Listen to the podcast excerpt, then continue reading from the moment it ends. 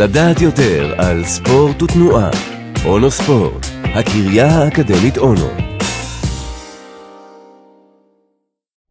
אמינות מבחן תומאס אחד מתהליכי המדידה הנפוצים ביותר בתחום רפואת הספורט הוא מבחן התכווצות שריר הירך הישר, Rectus Femoris Contraction, שידוע גם כמבחן קנדל, או מבחן תומאס. מטרת המבחן היא להעריך את גמישות השרירים שמסביב למפרק הברך. המדידה נעשית על ידי מד זווית מדויק ביותר, שמסוגל למדוד זווית שקטנה אפילו ממעלה אחת, אבל הדרך להערכת המדדים משתנה בין אדם אחד לשני. צמד החוקרים ג'ייסון פילר וג'ודי אנדרסון כתב מאמר על המורכבות של המבחן ופרסם אותו ב-JAT.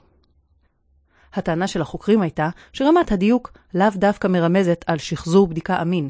בנוסף, עד אותו יום לא נעשה מחקר מקיף על הערכה של רמת השחזור של מבחן התומאס.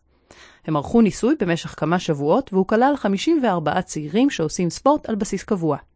הבדיקות נעשו על ידי שלושה אנשי צוות שונים.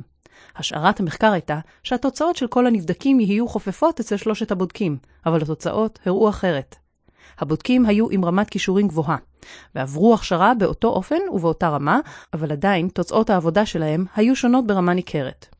לכל אחד הבודקים הייתה גישה אחרת לגבי מיקום החיבור של המפרק והרגל, המרכז הסגיטלי של התנועה וצירי הסיבוב מסביב לברך. בנוסף, הם התקשו לשמור על קו אחיד בין המד זווית לחלקים השונים בגוף. החוקרים הגיעו למסקנה שמבחן התומאס הוא לא קוהרנטי מספיק, מכיוון שהתוצאות היו שונות מאוד בין נבחן לנבחן, למרות שהנבחנים היו זהים, אבל הבודקים היו שונים.